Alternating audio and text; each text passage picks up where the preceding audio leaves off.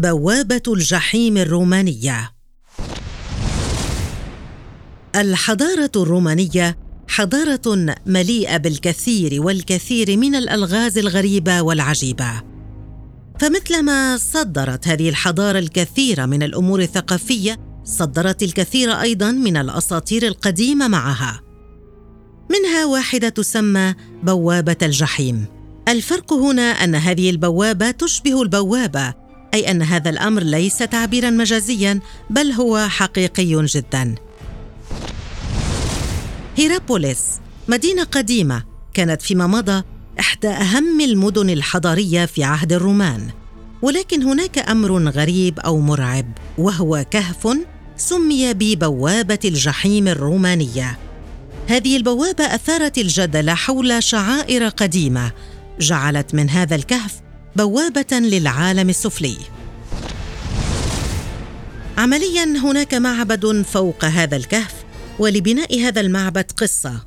أنه في تلك المنطقة كان هناك حرب طاحنة بين عدد من الآلهة وقيل أنه قد راح ضحيتها الكثير من الجنود المقدسين وكان كل من يمر فوق هذا الكهف يموت على الفور لأسباب غامضة.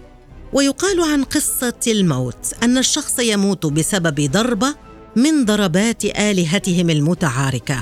تشير الأسطورة إلى أن إله العالم السفلي بلوتو هو من فاز بهذه الحرب فأقيم المعبد في المنطقة ذاتها فوق الكهف وباتت القرابين تقدم له اتقاء لشره. ومع هذا بقي الموت حليف كل من يقترب من الموقع أكثر من اللازم.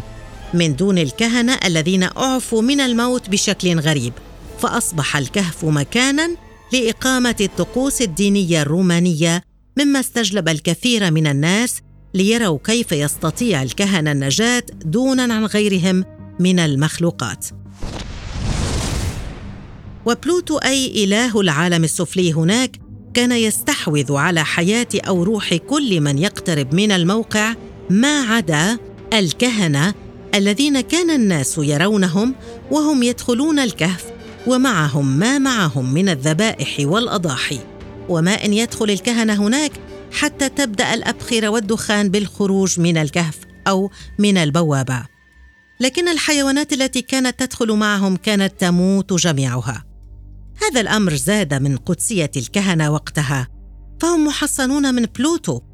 هو لا يؤثر عليهم وهذا الأمر تم ذكره عند المؤلف الروماني بلينيوس الأكبر ويقول إن هناك شخصية أو كيانا يدعى شارون كانت مهمته واضحة وواحدة وهي نقل أرواح الموتى إلى العالم السفلي بحسب معتقداته الرومانية. إلى الآن هذا يبدو اسطوريا أو مجرد قصص رومانية قديمة.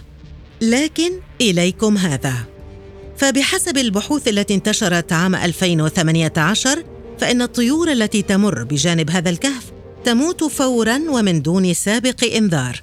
وليس هذا فحسب بل وجد العلماء الكثير من الجثث لحيوانات نافقة داخل الكهف وهذا في العام 2020 مما أدى إلى الكثير من التساؤلات حول الموضوع.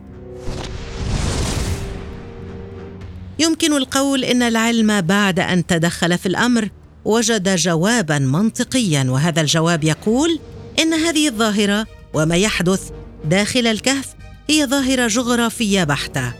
فقيل إنه داخل الكهف يوجد بخار ضبابي كثيف لمرحلة عدم القدرة على رؤية الأرض وهذا البخار سام بحيث يقضي على مستنشقه.